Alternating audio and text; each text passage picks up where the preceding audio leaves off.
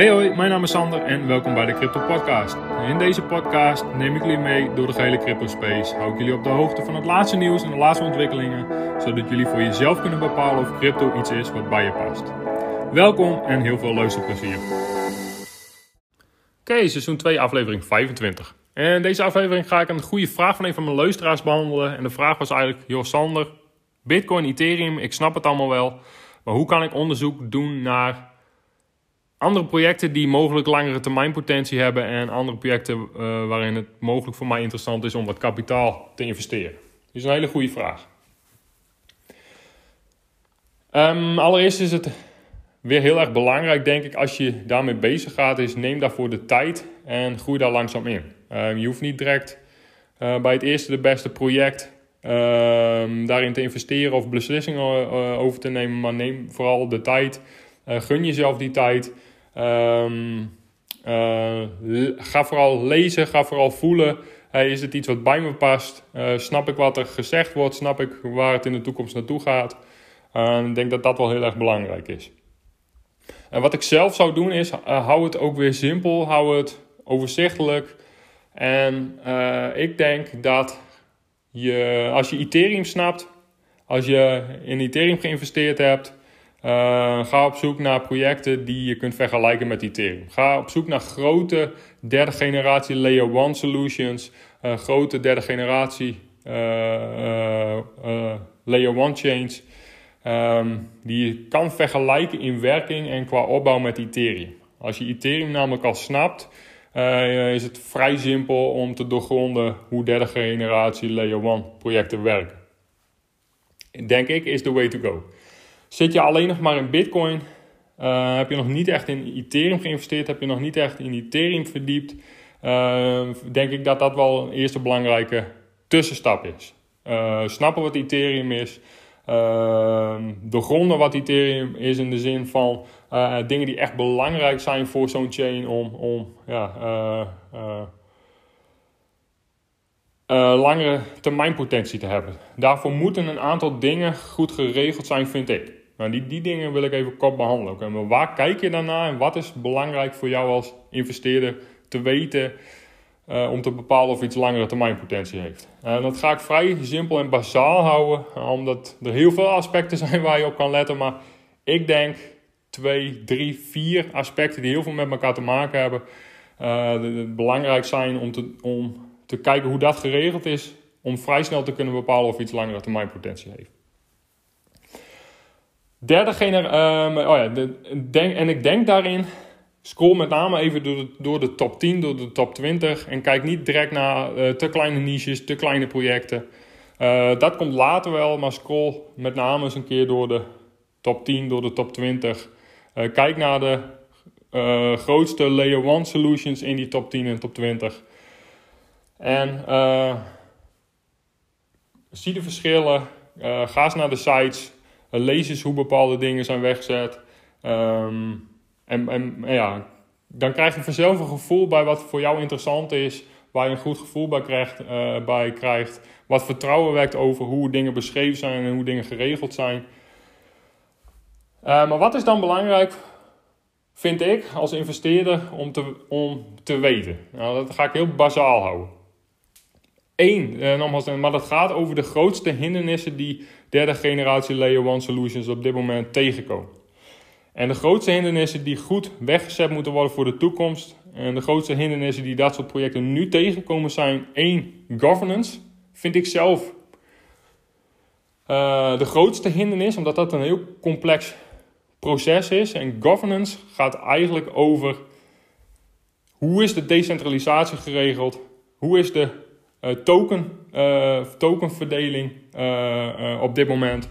En hoe ga jij een project wat gedecentraliseerd is, dus wat van niemand is, maar wat van iedereen is die daarin geïnvesteerd heeft, wel vooruitgang boeken als het gaat over ont, development beslissingen die genomen moeten worden over waar het project in de toekomst wel of geen aandacht aan besteedt, waar wel of geen uh, developers mee bezig gaan. En dat, dat is wel heel erg complex. Hoe krijg je, dat noemen ze consensus in de hele community over de toekomst en de voortgang van het project? is een heel complex vraagstuk. Ehm, en dat gaat inderdaad over governance. Dus governance is een heel belangrijk onderwerp om goed te bekijken en om mee te nemen in jouw beslissing of iets wel of niet langere termijn potentie heeft. En je moet je voorstellen, um, als, jouw, als jouw project super gedecentraliseerd is, uh, er miljoenen tokenholders zijn, uh, hoe ga je dan inderdaad iedereen meenemen in de, in, de, in de besluitvorming van waar het project wel of niet mee bezig gaat en waar het project in de toekomst wel of niet naartoe gaat? Dat is allemaal geregeld, eh, in governance. En projecten met goede governance raamwerken, die daar goed over hebben nagedacht, goed hebben nagedacht over een, een solide consensusmechanisme, uh, zouden een, uh, in potentie een, interessant, een interessante langere termijn investering kunnen zijn. Maar governance is wel, vind ik wel echt een van de grootste hindernissen op dit moment. En die heel erg belangrijk zijn, omdat het gaat over ja, crypto, de decentralisatie, wat vaak heel erg benoemd. Hoe belangrijk dat is. En heel veel projecten pretenderen gedecentraliseerd te zijn, maar zijn het niet. En dan kun je nog steeds goede governance raamwerken hebben, maar als jouw tokens in handen zijn, als, als het grootste deel van jouw tokens in handen zijn van een aantal grote partijen, is er nog steeds geen decentralisatie. Dan hebben die partijen eigenlijk uh, zoveel stemrecht, zoveel consensusrecht, dat zij eigenlijk voor het grootste deel bepalen wat er wel of niet gebeurt. En dat, dat zou al een rode vlag kunnen zijn op basis waarvan jij zegt van oké, maar dit project pretendeert gedecentraliseerd te zijn, maar uh, de grootste hoeveelheid tokens is in handen van een grote investeerder of van een grote partij. Vaak zijn dat uh, venture capitals. Uh, zijn vaak heel erg agressief geweest met investeren in bepaalde layer Ik vind Solana daarvan een heel mooi voorbeeld. Daar zijn een aantal grote venture capital investeerders geweest die heel veel tokens in bezit hebben gekregen. Ja, en zeker in dit soort economisch onrustige tijden gaan zij uh, uh, ja, dat soort investeringen van de hand doen. Omdat zij crypto behandelen als een soort tech stock, zeg maar. Maar goed, decentralisatie, token distribution, governance, heel belangrijk onderwerpen om goed naar te kijken.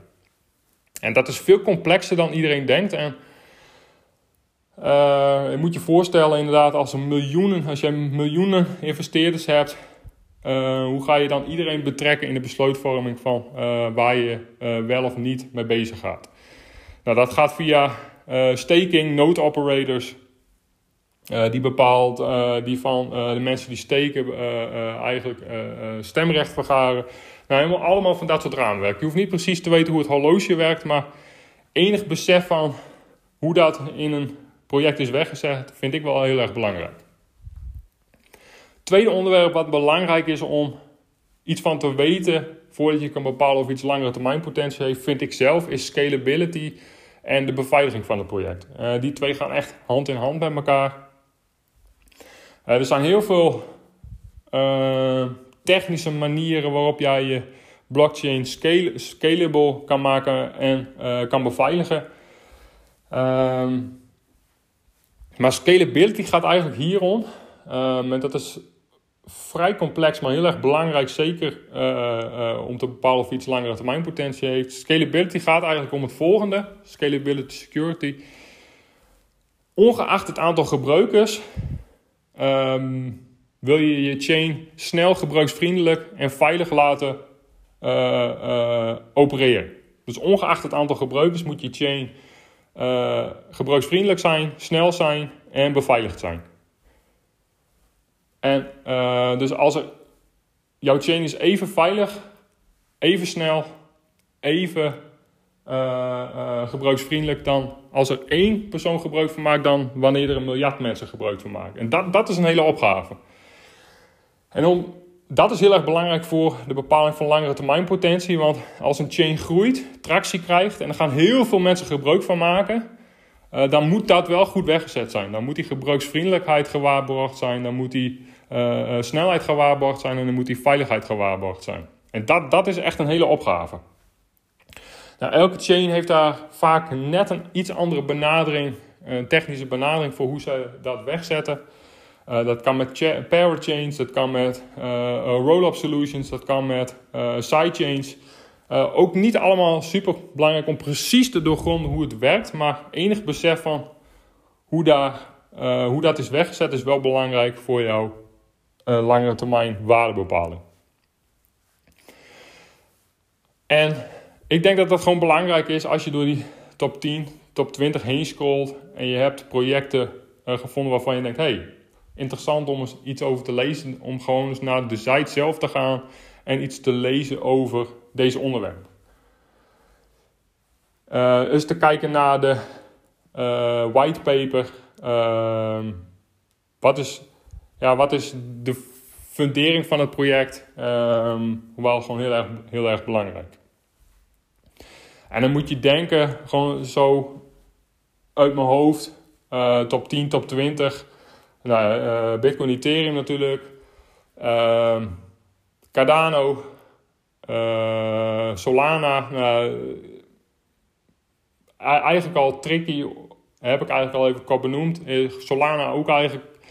Gisteren ook een probleem ontstaan. Is wereldwijd is die chain stilgelegd. Geen idee of die op het moment alweer gereboot is. Um, Avalanche, Elrond, Cosmos, Polkadot, dat, dat soort projecten. Interessant om eens, om eens naar te kijken en te beoordelen op de onderwerpen die ik net benoem. Dus resume, wil je buiten Bitcoin Ethereum op zoek gaan naar projecten met langere termijn potentie, uh, zoek, ga op zoek naar vergelijkbare projecten met Ethereum, uh, derde generatie grote Layer 1 projecten. Eigenlijk een aantal, ik heb er net een aantal genoemd. En met name die beoordelen ze op de grootste hindernissen die op dit moment genomen moeten worden. Dus governance, uh, hoe krijg ik consensus? Uh, hoe krijg ik, uh, kan ik beslissingen nemen met een chain waarin miljoenen gebruikers geïnvesteerd hebben? En hoe hou ik mijn chain gebruiksvriendelijk, snel en veilig, ongeacht het aantal gebruikers? Nou, als, als je daar iets over weet, als je daar besef van hebt, als je daar een gevoel bij hebt hoe, hoe dat in een bepaald project is weggezet, denk ik dat je vrij snel gevoel kan krijgen of iets wel, wel of niet langere termijn potentie heeft.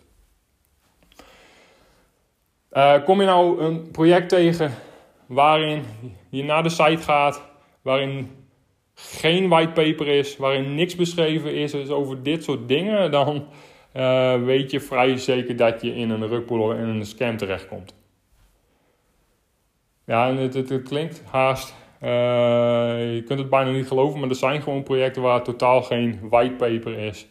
Uh, um, ja, dan, dan, dat, dat is gewoon foute boel. Is er geen whitepaper beschikbaar en pretendeert het project al heel vet te zijn in ontwikkeling?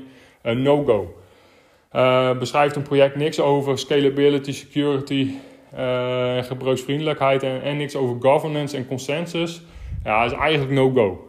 Dat zijn namelijk de grootste hindernissen in mijn ogen die, die projecten op dit moment moeten nemen. Um, projecten die ik daar zelf gewoon heel erg interessant in vind. En ik ga ze wel noemen, niet om ze te chillen, maar wel om, om te beschrijven waarom. Waarom uh, ik vind dat daar veel langere termijn potentie is. Dit is eigenlijk voor mij op één buiten Bitcoin Ethereum is Cardano. En waarom Cardano? Cardano ontwikkeld, bedachtzaam, langzaam en peer-reviewed, zijn, uh, onderbouwd door wetenschappelijk onderzoek. Cardano doet rustig aan, Cardano neemt zijn tijd, denkt goed na over governance, uh, gebruiksvriendelijkheid, scalability en security. En willen eigenlijk direct hun dingen goed doen. Er zijn ook heel veel projecten die heel snel ontwikkelen en eigenlijk iets, tegen de muur gooien en gewoon kijken of het blijft plakken. En ontstaan er onderweg problemen, dan uh, fixen we die dan wel. Dat kan, maar dat is heel erg tricky. Want als er een probleem ontstaat wat heel veel geld doet verdampen of wat, waardoor mensen minder vertrouwen krijgen, kan dat zomaar de ommekeer van je, van je project zijn. Kan dat zomaar de doodsteek van je project zijn. Nou, je hebt het bij Terra Luna gezien, één slip en eigenlijk je hele project is dood. Geen vertrouwen meer, enorm veel kapitaal verdampt, uh, heel veel mensen heel veel geld mee verloren. En of dat dan wel of niet per se aan de developers heeft gelegen of aan wie dan ook. Als die backdoor er is, gaat er een keer uh, misbruik van gemaakt worden. Of dat dan wel of niet jouw schuld is als developer of als uh, ontwikkelaar, is eigenlijk niet relevant. Als, er een, als het project kan worden uitgebuit, als er een backdoor is, gaat die vroeg of laat gevonden worden.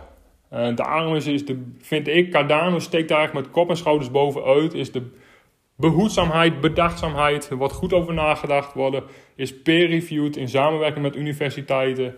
Uh, cryptography, super belangrijk om, om ja, jouw project zo in de markt te zetten dat uh, jouw project eigenlijk over 100 jaar nog steeds zou kunnen zijn. Ja, en dan nogmaals vind ik Cardano daar met kop en schouders bovenuit steken, vind ik zelf.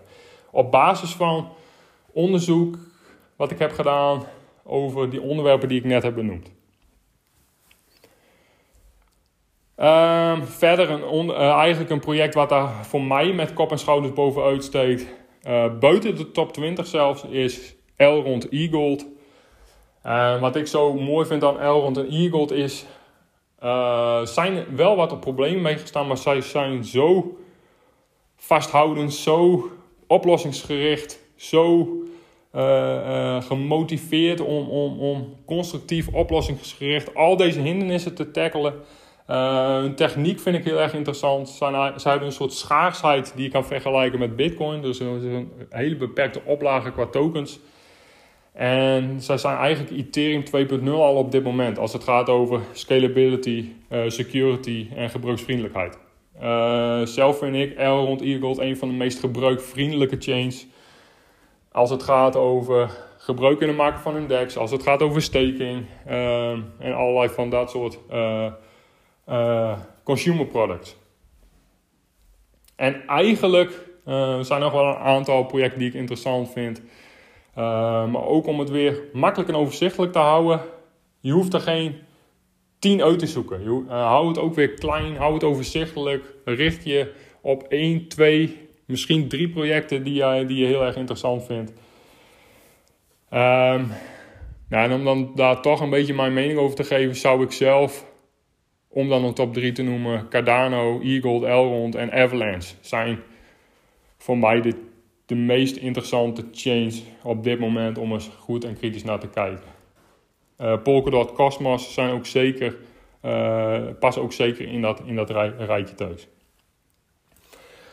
Uh, maar ik denk zelf dat dat de way to go is. Um, neem de tijd, groei erin.